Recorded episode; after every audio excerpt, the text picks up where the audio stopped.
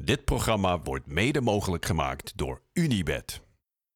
Hij speelde vier keer de Afrika Cup met Marokko en was een van de aanvoerders van het Feyenoord dat in 2017 voor het eerst in 18 jaar weer eens landskampioen werd. Een Rotterdamse held dus intussen de palen. Karim El Amadi Arouis wordt in 1985 geboren in Enschede. Op negenjarige leeftijd gaat hij op voetbal bij de lokale amateurclub met een toepasselijke naam. Uitspanning door inspanning Enschede. De Marokkaanse tukker wordt al gauw opgepikt door FC Twente. Vanaf zijn debuut in 2004 is de onuitputtelijke controleur een vaste waarde in de Grolsvesten. Onmisbaar in de opmars van de ambitieuze provincieclub. Daarna volgt Feyenoord, waar hij door heimwee en de cultuurclash moeilijk op gang komt. Na een korte verhuurperiode in Dubai, waar hij samenspeelt met wereldkampioen Cannavaro, komt het toch nog goed in de Kuip. Zo goed dat hij na twee uitstekende seizoenen bij Aston Villa alweer terug wil. De Marokkaanse international wordt herenigd met zijn voetbalvader Fred Rutte en is het gewapende beton onder de eerste kampioensploeg in 18 jaar. In 2018 is hij met Marokko eindelijk weer bij op het WK. En wordt hij op handen de Kuip uitgedragen na zijn lucratieve prepensioen in Saoedi-Arabië. Held van Twente tot aan Tanger. Hier is Karim El Amadi. Karim, welkom. Dankjewel. Wat goed je te zien. Ja, ik zat even naar die foto's te kijken. Ja, Met haar. ja veel haar nog Ja, inderdaad. ja, Ja, Eh, jij bent nog niet naar Turkije geweest, of wel? Nee, nee, nee. Ik ben niet naar Turkije geweest. Nee, nee, dat staat Gewoon elke zo. keer eh, scheren. Ja, staat je goed. Dankjewel. Ehm, vind, vind je het leuk om dit terug te zien? Ben ben je een terugkijker? Ehm, ik moet zeggen dat ik met goals en eh, ik heb er niet heel veel gemaakt, maar ik, ik kijk niet heel veel terug. Maar dit soort dingen, ja, dat krijg je dan af en toe mee. En dan, als je dan weer terug bekijkt, dan, eh, dan ga je wel helemaal terug weer naar de tijd, ja. Ja, soms, soms op een sneaky avondje even YouTube eh, Karim El Amadi intoetsen, of niet? Ja, soms heb ik het wel eens gedaan, maar niet heel veel om eerlijk te zijn. Alleen ja, weet je, nu eh, dat je af en toe interviews hebt en dan, dan word je ermee, eh, dan krijg je het eigenlijk te zien. En dan is het wel leuk om, de, om het weer terug te zien. Ja, we, we beginnen altijd tussen de palen met de vraag... wat betekent voetbal voor jou? Eh, ja, voetbal betekende echt alles voor me. Eh, het was echt eh, ja, boodschappen doen voor mijn moeder met de bal, eh, slapen met de bal, wakker worden, eh, huilen als er op vrijdagavond, als je zaterdag moet spelen, dat, je, dat, je, dat het heel hard regende en dat de kans was dat zaterdag niet door zou gaan. En, en zaterdag heel vroeg wakker worden om te kijken van gaat het door of niet. Dus nee, het betekende echt alles voor me. Wat voor voetballertje was je? Ehm, ja, ik moet wel zeggen dat ik wel een voetballer was die zijn eigen bal bij zich had. Dat ik wel echt een pingelaar was vroeger en dat ik echt alles alleen wou doen. Alleen ja, ik ben wel echt eh, door de jaren heen eh, met de mensen, met de trainers eigenlijk... eh, heb ik wel geleerd dat, dat het wel een teamsport is. Ja, altijd middenvelder geweest. Nee, ik moet zeggen dat ik bij mijn amateurclub eigenlijk begon ik eigenlijk als links, linksbuiten. En ik maakte veel goals. Ik weet niet meer hoe ik dat heb gedaan, maar ik maakte wel veel goals. Ja. Maar eigenlijk, eh, toen kwam ik eigenlijk bij KNVB districtteam onder 11 en zo eh, en onder 12. Ja, toen eh, werd ik al heel snel eigenlijk naar het middenveld gehaald. En ik kwam eigenlijk bij FC Twente, ja, toen was het de, C-jeugd. kwam ik ook al snel eigenlijk op het middenveld. En eigenlijk ja, vanaf die tijd altijd op het middenveld gespeeld. Ja, maar je, had in de jeugd geloof ik ook iets gemeen met Lionel Messi. Groeiproblemen. Ja, klopt. Eh, ik had nog het geluk dat ik eh, in de C had je toen die tijd, als je na januari was geboren, dat je nog een extra jaar eh, in de C mocht blijven. En Niet was... dat ge- geboortemaand-effect. Ja, dus dat was mijn geluk eigenlijk. Want ik was tweedejaars C en ik was nog niet echt... dat ze, dat ze, ik was wel een twijfelgeval. Elk seizoen kreeg ik wel te horen van je bent een twijfelgeval. Maar je mag toch blijven. En toen eigenlijk die derde jaar dat ik mocht blijven... ja, dat heeft mij wel heel veel goed gedaan. En eigenlijk begon ik toen te groeien. En in de B begon ik nog meer te groeien. En ja, toen kwam mijn talent wel naar boven. Ja, je bent niet echt klein gebleven, toch? Nee, ik ben wel eh, eh, dun gebleven. Maar ik moet zeggen, ik ben wel gegroeid. Ja. Ja, hoe lang ben je? Lengte. Ik ben nu 1,79. Oh ja. Ja. Ben je één centimeter langer dan een eh Ziggo Sportpresentator. ja. Eerst even naar je jeugdidool.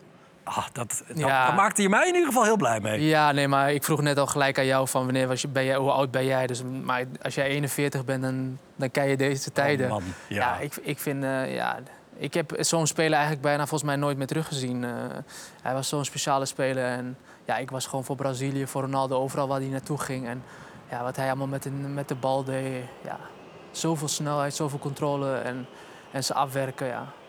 En ook nog met een smile op zijn gezicht, ja. Dat, ja, ik zie niet eh, een speler die, eh, die dit kan evenaren als een nummer 9 dan. Deze reactie van, van Bobby Robson. Ja. Heel ervaren natuurlijk. Die, die, niemand had dit ooit gezien, leek wel op dat moment. Nee, klopt. En het, en het zou denk ik volgens mij voor iedereen ook een feest zijn om met zo'n eh, speler te trainen elke dag. Dat je, dat je echt aan het genieten bent. Het zou, geen, het zou niet leuk zijn als je op, op de training op hem moet staan. Maar ik moet zeggen dat hij... eh, ja, het is gewoon een genot eh, om naar te kijken. Ja, de, de koning van het pingelen natuurlijk. Jij mocht vroeger eh, van Foppe de Haan. eh, Mocht je helemaal niet meer pingelen, hè? Ja, klopt. Dat was nog eh, met Foppe de Haan in onder 18 of onder 19. Bij Oranje. Bij Oranje, ja. Dan was het, moest iedereen, mocht iedereen doen wat hij wou. Alleen Karim, dus ik moest, moest twee keer raken. En ja, het was gewoon, in die tijd was het ook al dat ik eigenlijk wel, ja, hoe, hoe ik het net ook zei, mijn eigen bal af en toe bij, bij me wou hebben. En elke keer ja, de bal aan mijn voet wou hebben. En, en naarmate mijn mijn- mijn carrière en eigenlijk hoe ouder ik ben geworden, werd dat ook wel geleerd. Eh, in de jeugd werd het dan door Ten Hag eh, vaak benoemd. En ja, en daardoor ben ik eigenlijk wel een andere speler geworden. Zidane. Ja, had jij later ook nog? Ja, Zidane eh, later ook, maar ook dat meer middenvelder was. En ik was ook eigenlijk in de jeugd ook wel een sierlijke middenvelder. Dus ja, ik keek wel echt eh, met genot naar hem, eh, hoe hij alles met een bal deed en zijn acties, eh, zijn Zidaantje, wat we, wat we allemaal nadeden eigenlijk die tijd. Dus nee, het was voor mij ook een speler om, ja, ja, om elke keer met genot ernaar te kijken. Ja, laten, laten we even kijken naar, nou, ik denk zijn meest memorabele moment als Real Madrid-speler.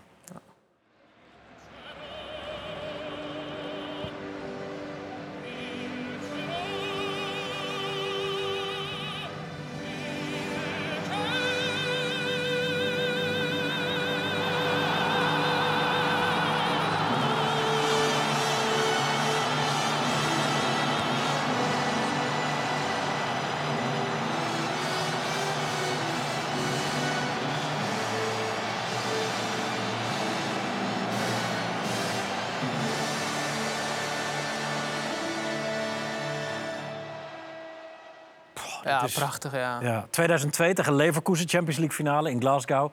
Eh, Real Madrid heeft het overigens zelf met die muziek online gezet. Ja. Eh, nou ja, om het nog meer gewicht te geven. Maar wat een weergaloos doelpunt. Ja, weergeloos. En ook wat voor een speler dat, dat heeft gedaan. Misschien ook wel de enige speler die dat op dat moment kon doen eh, destijds.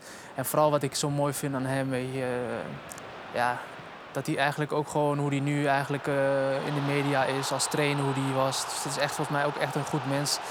En dat hij zo goed kan voetballen, ja. Dat, eh, en dit soort posities en dit soort spelers, ja, die zijn eigenlijk ook uitgestorven. Zie je ook niet meer zo heel veel in de voetballerij. Dus daarom kijk je hier nog maar met nog meer plezier naar, omdat je het nu niet meer heel veel terugziet, dit soort spelers. Ja, eh, wa- want hoe moeilijk is het om zo makkelijk te voetballen Ja, als dat, het, als het oogt bij... Dat, dat, dat is de, de moeilijkheidsgraad natuurlijk. ja, dat vind ik ook eigenlijk. ehm, dat het bij hem altijd heel makkelijk oogde. En ja, als je soms naar hem keek, dan dacht je wel bij jezelf van, eh, ik kan er helemaal niks van. Nou ja, jij hebt ook best een paar aardige goals gemaakt. Nee, dat wel. Maar ik bedoel, van, bij hem zag het er zo makkelijk uit. Zijn aannames, zijn steekballen. Ja, dit was één op de, op de honderd die ik zo schoot. die erin gaat. Ook met links, hè? Ja, deze? deze was, eh, deze was ook heel goed geraakt. Alleen ik denk als Zidane deze vaker doet, dan eh, scoort hij hem wel vaker hoor. Ik zou hem denk ik honderd keer overschieten. Ja. Nou, dan is het heerlijk dat hij een keer in gaat, toch? Ja, nee, en ook dit jaar eigenlijk, eh, alles, eh, alles viel samen eigenlijk. Eh, volgens mij scoorde ik nog nooit in, in een seizoen meer dan vijf keer. En dat jaar eigenlijk lukte dat wel. En de manier hoe ook, volgens mij, als ik hem met rechts zou doen, zou, die al, zou het al moeilijk zijn. En nu ging hij met links erin. Dit waren hele mooie, mooie tijden. Ja, dit was het jaar dat alles goed viel. Ja, klopt. Voor jou en voor de club. Ja, klopt. Dat, eh, dat, ja, daar snakte ik eigenlijk naar. Want ik heb eh, ja, dingen meegemaakt. Ik heb eh, eigenlijk toen het heel slecht ging met Feyenoord meegemaakt. En eigenlijk de goede tijden van Feyenoord. En eigenlijk, 10-0. Ja, ja, klopt. Dat heb ik ook meegemaakt. En dat waren pijnlijke momenten waar, waardoor je misschien soms in de bus terug, teruggaat. En dat je denkt van, wil ik hier nog wel zijn? En dan als je dan weer terugkijkt en, en wat je dan weer voor elkaar hebt gekregen... Ja, dat betekent eigenlijk dat je de jeugd moet, of moet, ge- moet zeggen van dat ze eigenlijk gewoon moeten blijven geloven eh, dat het wel kan. En eigenlijk, ik wou dat ik eigenlijk eh, toen ik 6, 27 was, dat ik die mentaliteit had op mijn 19e of op mijn 20ste. Nou, je ziet wel bijvoorbeeld bij een Frenkie de Jong of De Ligt, dat zijn jongens die zijn al vanaf hun 18e eigenlijk mentaal super sterk. En ik moet zeggen dat ik eigenlijk mijn tijd dat ik van Twente naar Feyenoord ging, mijn eerste paar jaar eh, ja, mentaal gewoon niet sterk genoeg was. Waar, waar zat dat hem in, denk je? Ik, eh, ik denk dat het meerdere factoren heeft. Ik denk in Rotterdam, Enschede kan je niet met elkaar vergelijken. Rotterdammers zijn toch wel wat directer dan in Enschede. En ik woonde thuis, alles werd voor me gedaan. Eh, mijn moeder kookte elke dag en ik ging toen voor het eerst weer alleen wonen. En eigenlijk, uh, ik, ik kon eigenlijk best wel moeilijk omgaan met de kritiek wat ik die tijd kreeg toen ik een jongetje van 21, 22 was. Dat ik toch wel, als ik, als ik dan las in de krant dat er stond miskoop, ja, daar kon ik moeilijk mee omgaan. En ik wou het eigenlijk heel graag goed doen, maar ja, het, het werkte gewoon niet. En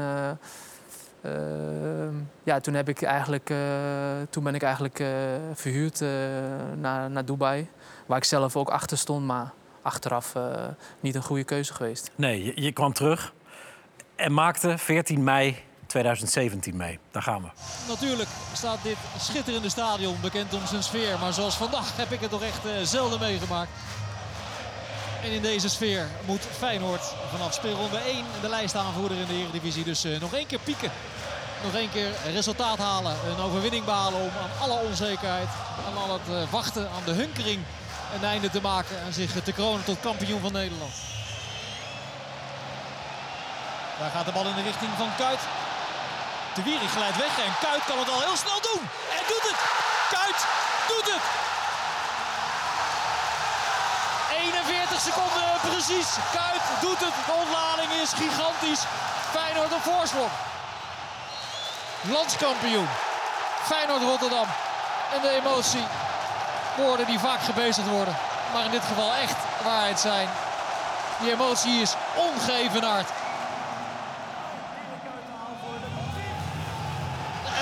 Daar is het zover. Gaat de schaal de lucht in. Is Feyenoord de beste van Nederland. Is het smachten en het wachten voorbij. En is de ontlading compleet. De perfecte dag. Ja, het was wel de perfecte dag. Ik moet wel zeggen, de aanloop naartoe was wel... Uh, Excelsior. We waren net van Excelsior verloren en... Uh, ja, het was echt, ik kan me nog herinneren, volgens mij kregen we een paar dagen vrij van Gio. En dan waren we met een paar jongens, waren we gewoon een paar dagen even naar Brussel gegaan. Even hoofd leegmaken. En we wouden echt niet meer in Rotterdam zijn die paar dagen na die wedstrijd van Excelsior. jullie kunnen tegen Excelsior de titel pakken, op Woudenstein, uit. En op een of andere manier verliezen jullie met 3-0. Ja. En er sluipt een, een soort collectieve angst ja. zenuwachtigheid in alle fans en, en ook de spelers? Ik moet zeggen dat het niet echt uh, angst was, wat, wat, we, wat ik heb gevoeld. Of wij als team, denk ik. Tenminste, als ik het allemaal zo... Ik denk dat we met z'n allen dachten van, uh, we, hebben het al, we hebben het al binnen. En dat was denk ik uh, ja, wat, we, wat we verkeerd hebben gedaan, de aanloop ernaartoe. Ik moet wel zeggen dat het uh, ook niet hielp dat, uh, dat de kinderen elke dag, elke dag bij de training stonden. En ja, jullie zijn kampioen, we worden kampioen. En ja, dus iedereen zat er al helemaal in zijn hoofd van ja, het kan niet meer misgaan tegen, tegen Excelsior uit. En, en ja, ik weet niet wat er die wedstrijd gebeurde, maar Excelsior leek wel op, op Barcelona voor ons, die, die wedstrijd. Ja, ze, niks lukte bij ons en uh, bij Excelsior lukte echt alles. En ja, ik moet zeggen dat het uh, na die wedstrijd was misschien wel mijn zwaarste dag die ik als voetballer heb meegemaakt. Want eigenlijk, ja, iedereen snakte na, na 18 jaar. En, en dat je dan het moment uh, dat het moet gebeuren er niet staat. Ja, dat was voor mij wel heel pijnlijk. En ik denk voor het hele team en voor, voor, voor de fans nog erger, denk ik. En ik moet wel zeggen dat na die drie dagen, als je dan weer op de club komt en dan bijvoorbeeld de jongens als Kuit en Jurgensen die dan wel heel vaak die kampioenschappen hebben meegemaakt. En eh, ik moet zeggen, ook de wedstrijd, de dag van de wedstrijd zelf, toen we aankwamen in de Kuip, toen had ik wel zo'n gevoel van. Uh, ik moet wel zeggen dat ik wel heel veel spanning had die wedstrijd. Of die, die dag, maar die uh, de dag van de wedstrijd, toen we aankwamen in de Kuip, ja, met het publiek en alles, toen dacht ik bij mezelf van, dit gaat nooit meer verkeerd bij de warming-up. En ja, dan helpt het wel mee als je bij zo'n ingooi, of uh, bij zo'n ingooi dat er dan iemand uitglijdt. Maar Karim, dat, dit, dit geluid, kan je het, je het geluid ook nog herinneren? Komt ie? Ja, dit was gewoon niet normaal. Uh, wat ik toen die tijd heb gezien, ja, dat heb ik nog nooit in mijn leven gezien. Uh, ik heb mensen zien huilen, van, van een oma naar een klein kind, van vrouwen naar mannen. Dus het was echt ongelooflijk. En bij mij gingen ook al die dingen eigenlijk de moeilijke tijden die ik heb meegemaakt met Feyenoord... en dat je dan zoiets kan uh, doen dat jaar, ja, dat was echt... Uh, toen realiseerde ik me wel van, uh, dat je nooit moet opgeven. Nee, viel alles weg na die 1-0? Zeg maar, ja, ik moet wel, alles wat er daarvoor was gebeurd? Ja, zeker. Vooral die West of Excelsior en de rest eromheen. Ik moet wel zeggen dat dat echt wel hielp, die, die 1-0. En toen dachten we wel bij toen zag je ook bij iedereen van, ja, dit gaat nooit meer verkeerd. Ja. En ehm, wat betekent die schaal voor je? Je was aanvoerder tegen Excelsior, maar goed, Kuit kwam erin. Dus die had dan op Woudenstein ook de schaal gekregen? Of hoe, hadden jullie daar al een plan voor? Nee, ja, sowieso. De, Kuit was de, was de eerste aanvoerder. Ik was de tweede aanvoerder. Dus eh, hij zou hem sowieso, eh, of hij nou wissel stond of als hij niet had gespeeld, zou hij hem sowieso krijgen voor mij. Dus hij was ook onze, onze aanvoerder binnen, of in het veld, maar ook in de kleedkamer een heel belangrijke rol gespeeld. Ook iemand die gekomen is van, van de absolute top. En die weet wat, wat, wat je moet doen om, eh, om, eh, om een prijs te winnen. En, en ja, daar, daar hebben we wel als team denk ik ook wel veel van geleerd. Ja, eh, en voor, voor jullie was het een perfecte dag, maar voor hem helemaal natuurlijk. Ja, De klopt. laatste wedstrijd als de laatste wedstrijd, ja, beter dan dit kon het niet. En Filena was ook nog geschorst omdat, bij- bij- door die kaart wat hij kreeg bij, bij Excelsior. Dus alles, ja, het paste wel allemaal, ook voor hem natuurlijk. Wat, wat gebeurde er daarna, de uren daarna? Want er kwam in die stad ook iets los bij de mensen. Ja, klopt. Ja. Nog steeds veel mensen in tranen. En eh, ja, na 18 jaar eh, elk jaar maar weer snakken naar die titel. En het leek heel ver weg elk, elk seizoen. En, en dit jaar, vanaf, volgens mij vanaf eerste speeldag tot, tot het laatste speeldag op één. Ja, en nu nog steeds als ik in Rotterdam loop, dan zie je nog steeds wat het betekend heeft, wat we hebben gedaan dat jaar. En, en als voetballer daarna eigenlijk realiseer je, iedereen gaat verder. En, en eigenlijk, ik moet zeggen, met mijn terugkomst weer in eh, Rotterdam, dat mensen me weer veel in de kuip zien. En ja, dan realiseer je wel wat we, wat we dat, dat seizoen hebben gedaan. Ja, voor, voor Kuit was het dus echt zijn laatste. Zijn laatste wedstrijd, zijn laatste prijs. Ja. Einde van zijn carrière. Wat heeft hij voor jou betekend? Ehm, het was een speler eigenlijk eh, die we misschien op dat moment echt nodig hadden. Die, eh, die en in, in de gym eh, liet zien hoe het moet allemaal. En die toch ook wat jongens ja, die daar ook in meegingen. En in de, in de, in de, in de training dat hij eigenlijk op, zijn, op zijn leeftijd geen training miste eigenlijk. Dat hij gewoon alles meetrainde, of hij nou pijntjes had of niet. Dus dat was voor mij wel een, eh, een voorbeeld. eh, ja, dat het niet zomaar komt aanwaaien dat je bij Liverpool en eh, bij het Nederlands elftal zit. En dat, dat geeft jezelf ook een reality check eigenlijk van... Ja, de, dat we soms eigenlijk best wel makkelijk doen eigenlijk hoe, hoe makkelijk sommige gasten bij de top zitten. Maar ik heb wel echt met mijn eigen ogen gezien dat wat hij er allemaal instopt, ja, dat het niet zomaar is. Jij wordt dat jaar gekroond tot beste speler. Gouden schoen win je. Ja, klopt. Eh, ik wil je even wat mooie beelden laten zien van Ja. jouw aankomst. Dat is hier in Hilversum, op Mediapark, Ja, waar we nu klopt. ook zijn. Eh, met je ouders. Ja.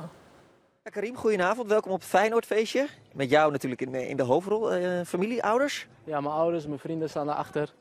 Uh, mijn zussen, mijn zwager, dus iedereen is aanwezig. Je hebt iedereen meegenomen. Ja, ja, iedereen is aanwezig. Hoe trots bent u op uw zoon? Heel goed. Heel trots. Ja, heel trots. Ja. Ja. Want hij is, wordt vandaag gekroond tot beste voetballer van Nederland. Dat is wel heel speciaal, hè? Natuurlijk.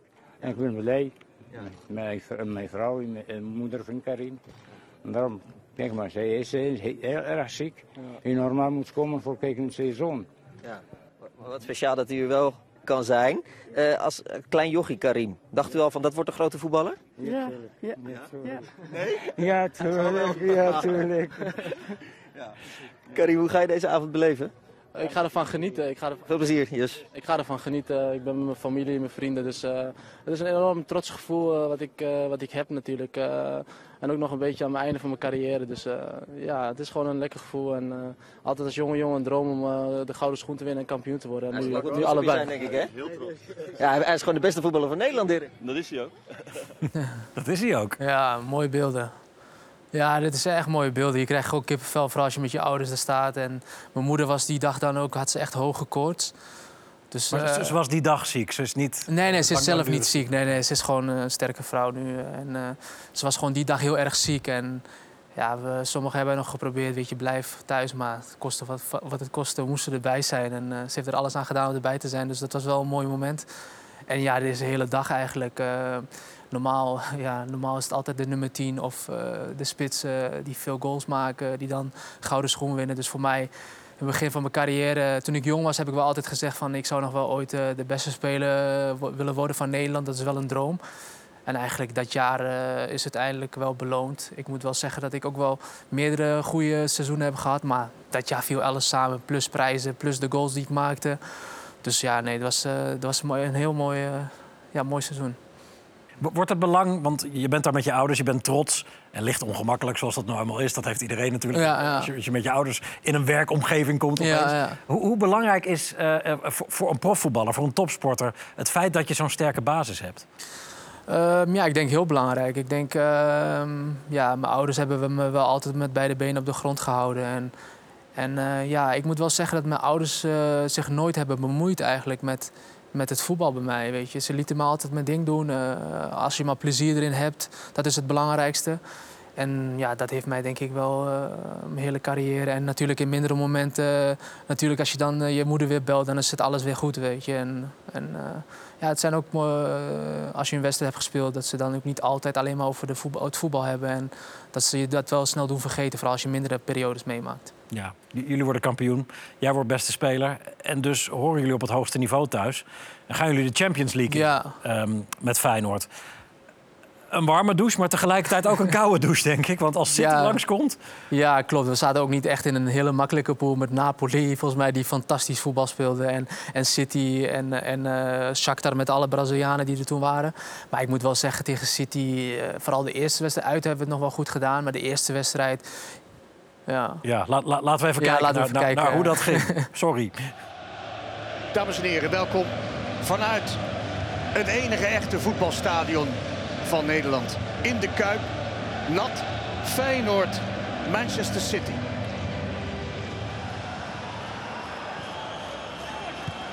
En daar is het al 0-1. Het is John Stones. Walker. En Aguero 0-2. Dit bedoel ik. Een beetje naïef is het allemaal wel natuurlijk. Aguero. Jones. En buitenspel. Nee. Dan is het 0-3. Jesus. En Stones. Zijn tweede. 0-4. ja. Nou, dat niveau. Ja, dat was wel even een. eh, ja, dat je wel weet waar je staat eigenlijk. Eh, je, natuurlijk ga je er met heel veel eh, zin en eh, hoop er naartoe. Omdat je thuis speelt, komen we van een goed seizoen. Maar we wisten natuurlijk ook wel dat City echt een geweldig team Nou ja, als je naar de opstelling kijkt van die ploeg. Ja, daarom. Hallo. En ik moet zeggen, ja. Ja, Ederson, Walker, Fernandinho. Eigenlijk alleen maar toppers. ja, alleen maar toppers. Nee, het was, het was sowieso een hele moeilijke wedstrijd. En voor mij als middenvelder was het toen wel... eh, ik natuurlijk heb ik wel in Engeland gespeeld, maar tegen City, eh, dit elftal... Ja, hoe ze eigenlijk van, de, van tevoren alles bekijken en alles scannen. En, en, ik, en ik stond erom bekend dat ik best wel goed druk kon zetten. Maar ja, op die gasten kan je beter blijven staan dan dat je gaat druk zetten. Want die wisten echt precies wat je kwam doen, op welk moment je kwam. En ja, die hadden alles al gescand van tevoren. En in de Eredivisie merk je wel dat je er vaak mee wegkomt als je een beetje vol druk zet. Dat, dat spelers niet veel om zich heen kijken. Dan, dan kan je het juiste moment vinden.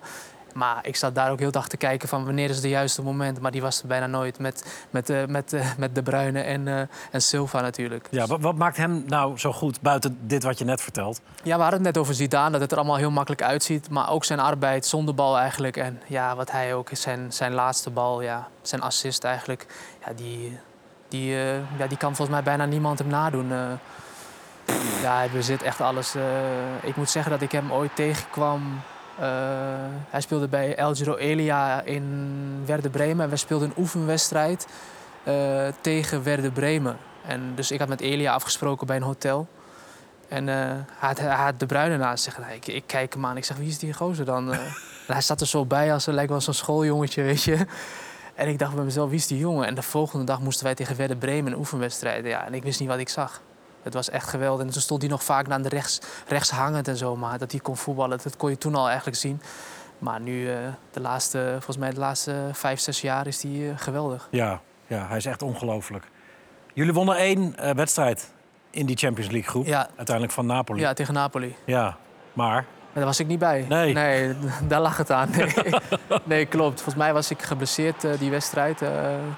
Dat was ook natuurlijk een mooie wedstrijd die we wonnen. Volgens mij was het al gespeeld in de groep.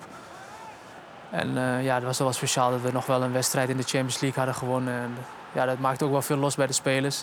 Maar je ziet ook wel dat je kan groeien naarmate je die Champions League eh, wedstrijden speelt. Dus ik, ja, weet je, je ziet het nu ook bijvoorbeeld met de, met de, met de, met de top van Nederland. eh, dat je ze wel ziet groeien naarmate het toernooi vordert. Dus en dat zag je die, die wedstrijden ook eigenlijk. De eerste wedstrijd, hoe naïef we eigenlijk waren. En naarmate de, de wedstrijden en ook eh, City uit, hoe we wisten dat we City, hoe je, moest, hoe je ze moest bespelen, dat het ook beter gaat. Dus ik, ik weet wel zeker dat dit echt wel puur met ervaring te maken had dat wij, de, dat wij, eh, dat wij in het begin eigenlijk niet stonden. Als favoriete trainer, ehm, noem je er twee eigenlijk? Ten- Hag en Rutte. Ja. Ja, wa- wa- wat maakte die zo, ehm, zo, zo, zo Eh, belangrijk voor jou? Ja, Ten Hag is eigenlijk, eh, die ik in de jeugd heb meegemaakt. En ook het om, eh, omkeren eigenlijk eh, van het blijven of niet blijven bij FC Twente. Ik weet nog dat ik verhuurd kon worden naar AGOVV. Want toen ik net doorbrak bij Twente, ging het goed. Maar het jaar daarna kwam ik van de jeugd-WK hier in Nederland kwam ik terug. En ik kan me herinneren nog een gesprek met Ten Hag dat ik zei van... ja, ik wil verhuurd worden. Toen zei hij tegen mij van... hij zegt, je gaat helemaal niet verhuurd worden. Je gaat hier blijven en, en geloof me, je gaat, je gaat spelen. En eh, uiteindelijk eh, kwam Rutte en ja, de rest eh, is geschiedenis. Ja. We, we, we maakten natuurlijk een hele mooie, mooie jaren mee met Fred Rutte. Die, die een van de weinige trainers, waarom ik hem eigenlijk benoem eigenlijk als, als, een, als een goede trainer. Ik moet zeggen, ik heb heel veel trainers gehad. En eigenlijk als wij het veld opgingen, we wisten precies eigenlijk ja, wat we moesten doen. Plan A, plan B, plan C. En, eh, en niet bij alle trainers die ik heb gehad, heb ik dat meegemaakt. En hij heeft mij denk ik ook als eh, speler opgevoed, maar ook als persoon buiten het voetbal, hoe je moet zijn. Dus Oh ja? Ja, hij, hij kon zich ook eh, druk maken om eh, iemand die niet doortrekte of zo. Dus hij, hij, was, hij was echt een- iemand die, die, die mensen goed kon opvoeden. En ja, wat hij dat seizoen eigenlijk eh, met ons heeft gedaan, ja, dat was wel heel, heel speciaal. En wanneer herken je eigenlijk een hele goede trainer? Die herken je eigenlijk als je individu- individueel weinig kwaliteiten hebt in in, de, in de groep, wat wij destijds hadden. Ja, we hadden niet eh, topspelers. We hadden volgens mij eh Wielaert, eh, Heubach, ik dan, die kwam dan van de jeugd. Wie had je nog meer? ja, je had allemaal spelers die eigenlijk nog niet in de, in, de, in de top van de eredivisie. Maar als je zag hoe wij aan het spelen waren dat seizoen. Daarom geloof ik wel echt dat een trainer een verschil kan maken voor, in een team. Ja. Maar dan, dus dan begin je ergens in de voorbereiding en dan, dan zie je dat er gewoon zo'n stijgende lijn in komt. Ja, mijn voorbereiding begon niet zo goed. Want ik werd al gelijk eh, na 15 minuten in een oefenwedstrijd werd ik door hem gewisseld. Dus ik, Dat was- zou je heel ik kwam erin, ja. Want ik had toen die tijd, dacht ik van... ja, dit- deze, met, met deze man ga ik ook nooit ga ik niet spelen. En eh, misschien is het toch wel beter om verhuurd te worden. En, en ik werd volgens mij in een wedstrijd tegen Topos... In, in een oefencampagne die we hadden... werd ik na 15 minuten gewisseld. Omdat ik eh, met mijn armen aan het zwaaien was... omdat, omdat ik de bal niet kreeg. Ja, maar dat, dat was wel een moment dat hij het eigenlijk heel erg in me zag zitten. Maar als persoon heb je dat niet door. Dat, op dat moment denk je van, die heeft een hekel aan mij. Maar Jong en onzeker, wat je ja, net ook zeker, zei natuurlijk. klopt. En naarmate het seizoen, nou, dan, eh, dan zie je wel dat hij het echt in me, in me zag zitten. En Ten Hag? Eh, ja, Ten Hag, eh, Ten Hag veel van geleerd. En eh, ehm, ja, ja, ook meer een vaderfiguur eigenlijk in de jeugd. en eigenlijk is hij degene geweest... eh, toen ik mijn debuut moest maken bij het eerste van, eh, van FC Twente bij Van der Eyck... kan ik me her- herinneren, was ik, 19, was ik 18 of 19.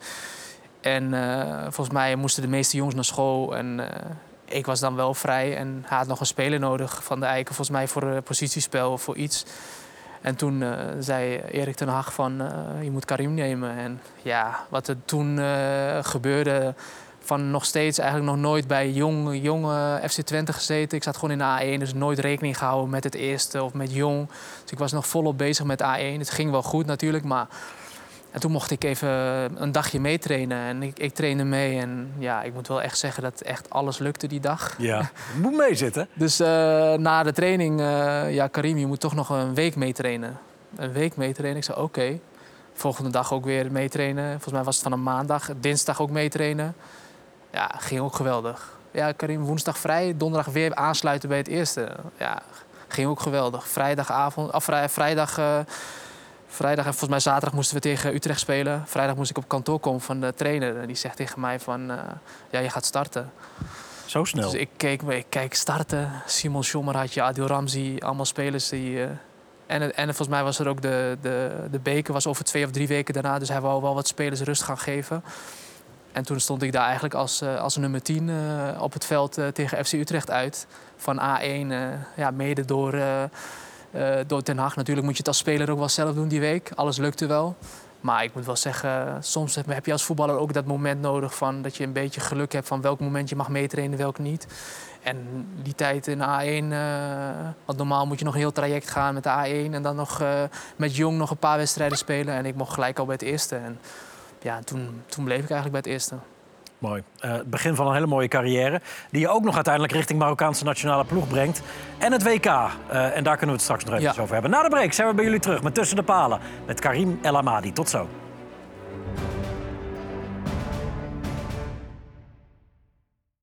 Dit programma wordt mede mogelijk gemaakt door Unibed.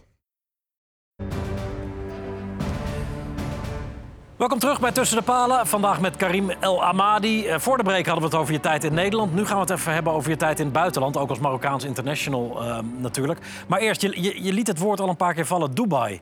Ehm, daar ging je op een gegeven moment naartoe vanuit Feyenoord. Maar je wilde er ook vrij snel weer weg. Wat, wat was er dat het daar niet Ja, werkte? ja klopt. Eh, eigenlijk, die tijd heeft mij eigenlijk eh, de tijd gegeven om echt over dingen na te kunnen denken.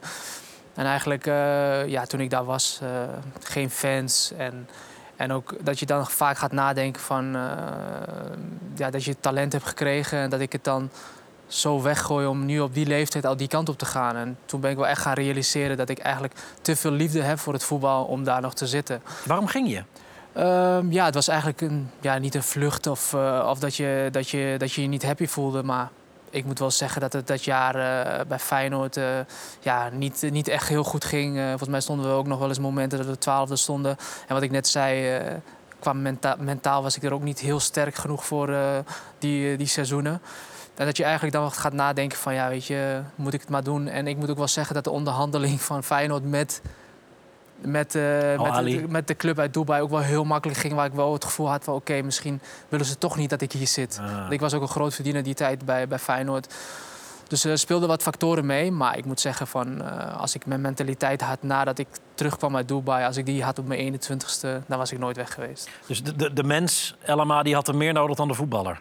Ja, klopt. Dat heeft me wel doen eh, nadenken. En vooral dat je dan eigenlijk eh, ja, te veel liefde hebt, wat ik net ook al zei, van, eh, voor het voetbal. Dat je, oké, je verdient daar wel goed en alles. En het leven was prachtig natuurlijk. Maar als je dan af en toe het voetbal weer op tv bekijkt, dan denk je bij jezelf van... ja, ik heb ook het talent om daar te kunnen staan. Dus waarom zou ik nu al daarvoor kiezen om die kant op te gaan? En uiteindelijk ben ik teruggegaan en...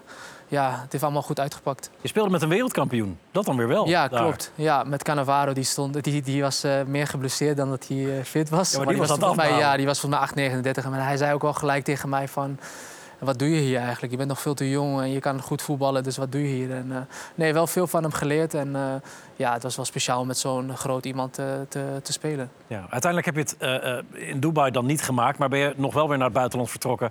Naar Aston Villa. Ja, klopt. Premier League, Engeland. Ja. Waar je zo werd gepresenteerd.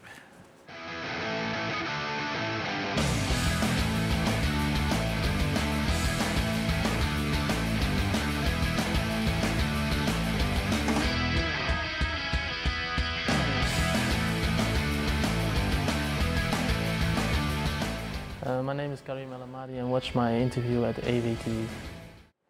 Je ziet er nu jonger uit dan daar. Ja, hè? Ja. Wat, hè? ja, nee, eh, misschien door mijn baasje, denk ik. Ja, ik nee. zoiets. Ja. Ehm, Premier League.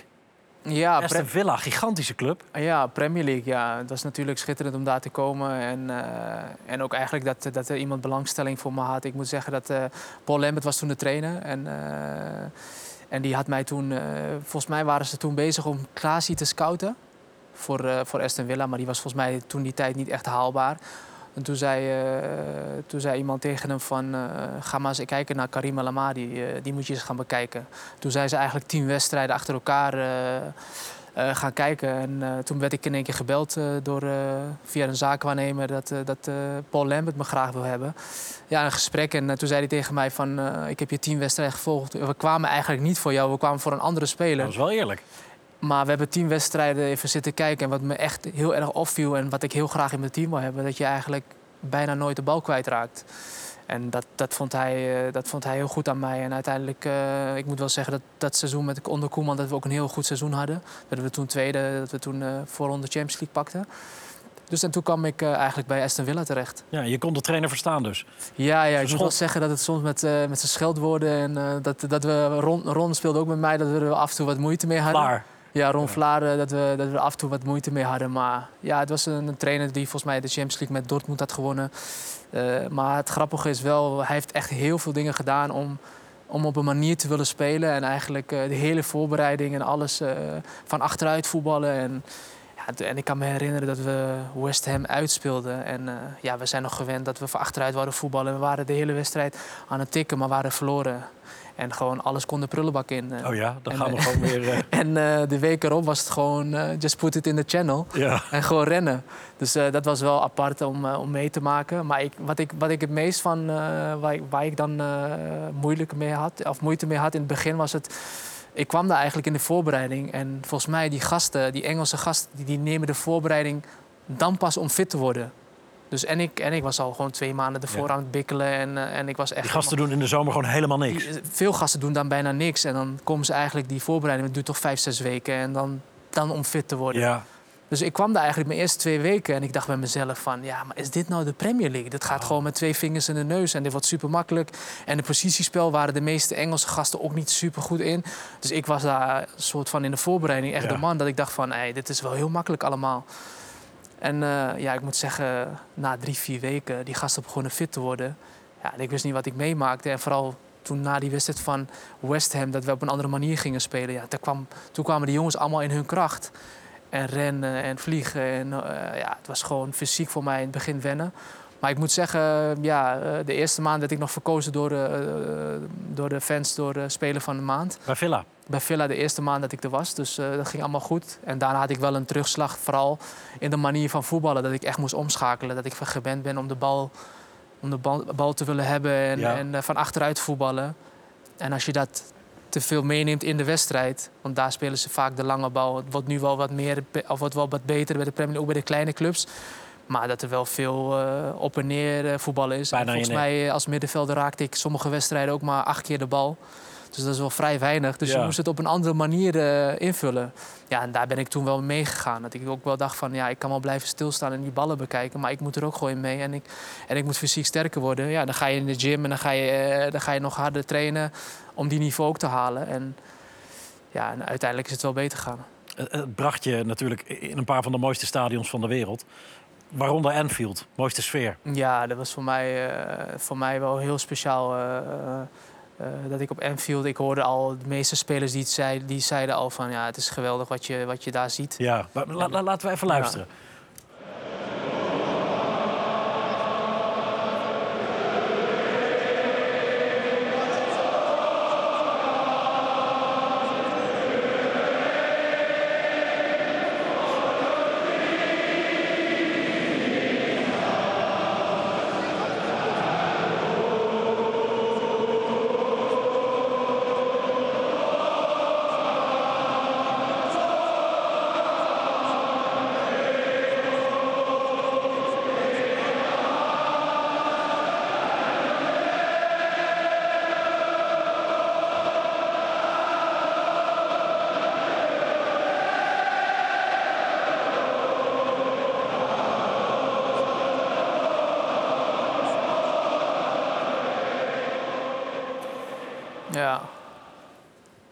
Je moet het een keer meemaken, zeggen ze, op de tribune. Maar t- hoe is het om op het veld te staan in, in dat stadion? Ja, het was geweldig. Eh, ik moet wel zeggen dat ik wel heel snel altijd eh, in het veld al dingen om me heen probeer te verge- eh, eh, vergeten en niet, eh, niet ernaar te kijken. Maar daar was het echt onmogelijk eh, als je ziet wat voor geluiden, eh, geluid daaruit kwam.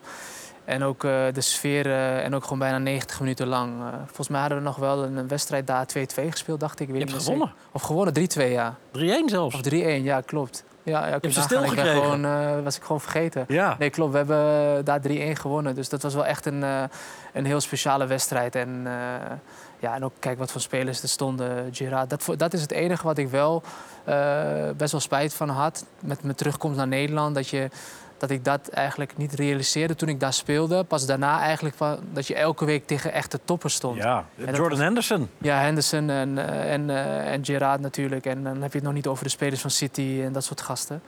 Dus dat was wel echt... eh, maar qua sfeer en zo kan, kan, kan niemand aan Anfield tippen, denk ik.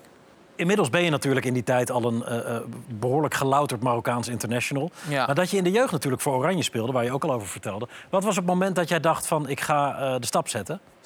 Ja, ik moet zeggen dat het bij mij, bij mij de keuze iets makkelijker was dan bijvoorbeeld een Ziyech of zo.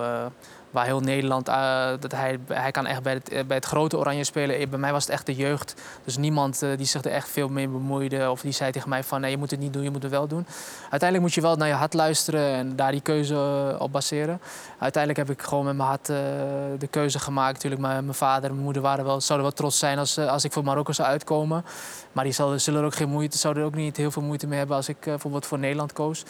Maar ja, voor Marokko spelen was voor mij heel speciaal en eh, ik wou dat heel graag. En uiteindelijk eh, heb ik daarvoor gekozen met mijn hart. Ja, is, is het een worsteling, denk je, voor veel jongens?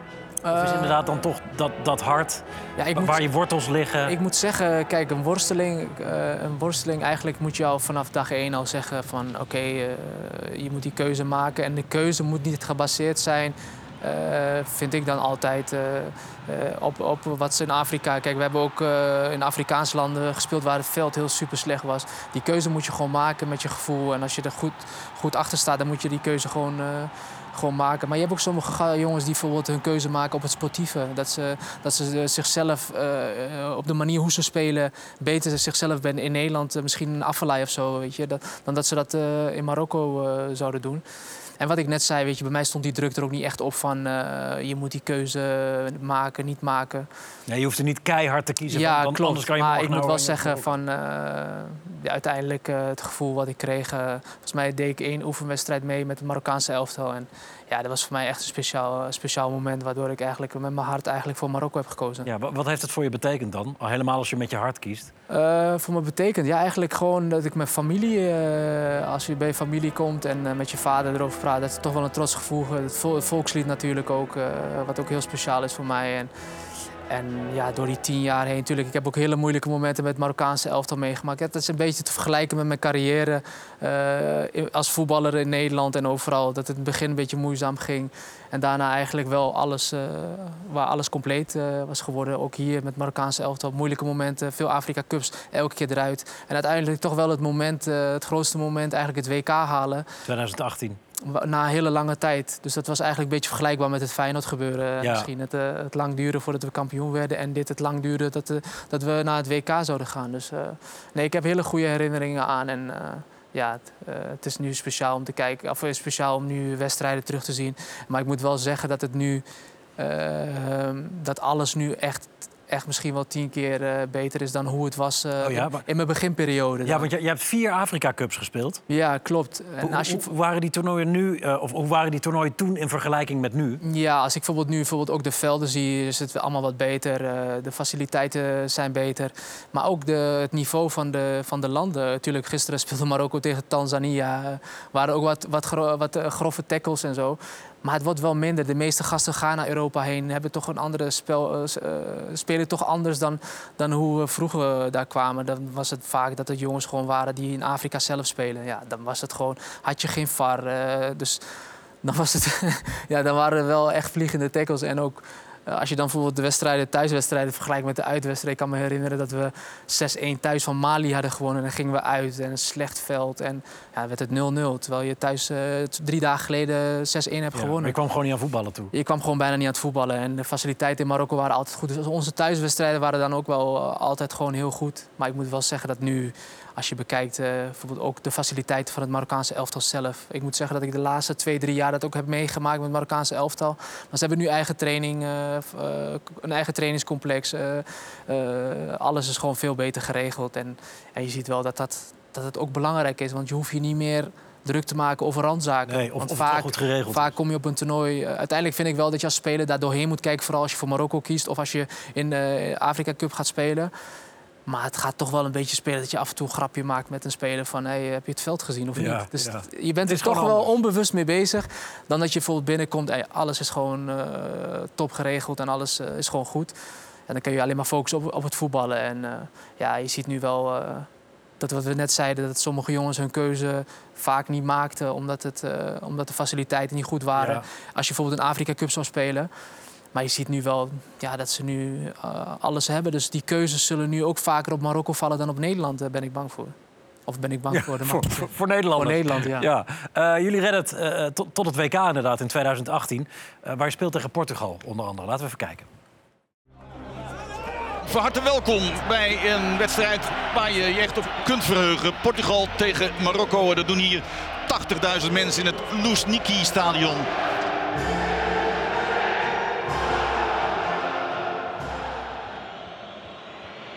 Bernardo Silva, korte corner nu. En vrij ingekopt. En een doelpunt. Cristiano Ronaldo. Dan trappen ze er toch in. Een korte corner en plotseling staat de Ronaldo helemaal vrij. Ze waren er weer bij na 20 jaar. Er zit absoluut kwaliteit in het team. Maar misschien moeten er nog een paar ontbrekende schakels bij. Marokko verliest voor de tweede maal, is uitgeschakeld en moet zijn wonden gaan likken. Dat zullen ze toch van tevoren echt niet hebben verwacht. Na twee wedstrijden en nul punten, uitgeschakeld op het WK voetbal. Maar het is niet anders. In het stadion van de finale. Schie- Schiet daar opeens Cristiano Ronaldo voor je langs bij die Ja, corner. klopt. Eh, volgens mij eh, hadden we ieder, had, had iedereen een, eh, een man. En ik moest dan gewoon in een zone staan. Ja, en eh daar was hij me wel iets te snel af. Ja, ja het is wel speciaal. Het was mijn eerste keer dat ik tegen Ronaldo eh, speelde. En eh, ik moet zeggen dat we die, die wedstrijd echt heel goed speelden. Maar het probleem bij ons op het WK was dat we ja, heel goed speelden, maar dat we het niet echt afmaakten. En, en dat was denk ik wel het grootste probleem van het WK. Ik denk dat we best wel een goed WK hebben gespeeld. Spanje een goede wedstrijd, Portugal een goede wedstrijd. Eh, Iran was dan eh, minder, maar ook de eerste half uur gewoon goed, maar niet scoren. Wat een loting ook. Ja, maar niet scoren. En, ehm, dus ja, het was wel een heel mooi WK. Maar alleen eh, jammer dat we, dat we er gelijk uitlagen. En, en achteraf denk ik dat er wel wat meer had ingezeten als je de eerste wedstrijd al had gewonnen.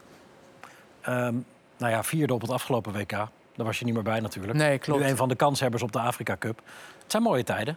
Ja, nee, het, Marokkaanse het Marokkaanse voetbal gaat echt vooruit. En eh, wat ik net al zei, eh, alles is eh, heel goed geregeld. De faciliteiten zijn goed. De spelers kiezen nu veel voor, voor Marokko.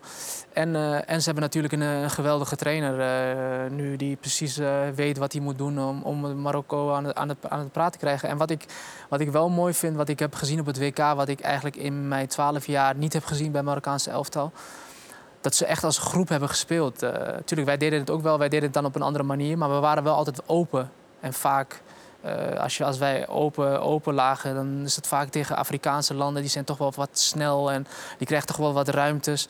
En je ziet eigenlijk, eh, ja, volgens mij op het WK zag je eigenlijk, Marokko stond zo gegroepeerd en zo goed, dat eigenlijk niks er doorheen kwam. Het was Nee. eigenlijk, eh, hoe zeg je dat, Eh, het was niet echt Marokkaans hoe, eh, hoe ze voetbalden. Op een goede Maar manier. zo zie je maar eigenlijk dat dat wel resultaat heeft geboekt. En daarvoor wil ik wel echt complimenten geven voor de trainer dat hij dat heeft gezien.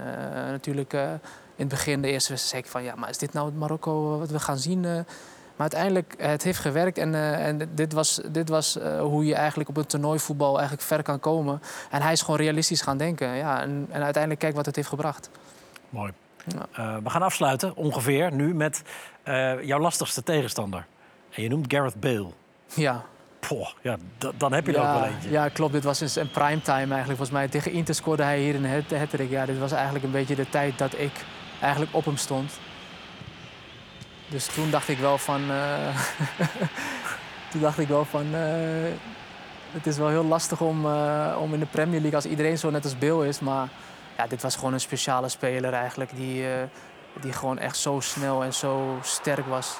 Ja, dan ga je wel echt nadenken van... eh, dat je eigenlijk wel... eh, een hele normale speler bent als je tegenover zo'n speler staat. En natuurlijk, hij heeft daarna wat mindere periodes meegemaakt, maar in zijn primetime in, in de Premier League bij Tottenham ja, was hij echt geweldig. En volgens mij, ik stond rechtshalf en hij had volgens mij de hele linkerkant. En Ja. volgens mij werden we, we stonden met z'n drieën daar aan de rechterkant en iedereen werd eruit gespeeld. kwam er wat eh, voorbij Het gezocht. was echt eh, indrukwekkend wat ik toen zag en eh, ja, in alles eigenlijk. Vijfvoudig Champions League winnaar. Ja, zeker. Ja. En die omhaal er ook nog bij. Ja. Het, is, het was een geweldige speler. Dat is net als met Zidane eigenlijk. Hè? Dat, dat leveren op de grote momenten. dat, dat lukte hem eigenlijk Hij was ook ook zo atletisch en zo snel en zo sterk. En volgens mij denk ik ook wel als je zijn lichaam ziet, ook wel een trainingsbeest. En een geweldige techniek. Dus hij, was gewoon een complete speler. Maar ik moet toch wel zeggen, natuurlijk, hier heeft hij hele goede momenten bij Liverpool en zo. Maar in zijn tijd bij, eh, in, eh, bij Tottenham, eh, zijn beginperiode, was hij echt indrukwekkend. Niet te stoppen. Ja, zeker. Dat was hem alweer. Ja. Vond je het leuk? Ja, was leuk. Zo zie je maar hoe snel een uurtje kan gaan als je Ja. over leuke dingen praat. Nou ja, precies. En een mooie carrière was het. Ja, en er ligt nog veel in het verschiet natuurlijk voor je, want veel analyse ook, hè? Ja, ik werk nu bij ESPN en het bevalt goed, dus is leuk. Mooi zo. Dankjewel dat je er was. Graag gedaan. Eh, jullie allemaal dank voor het kijken en heel graag tot snel bij een andere Tussen de Palen. Dag!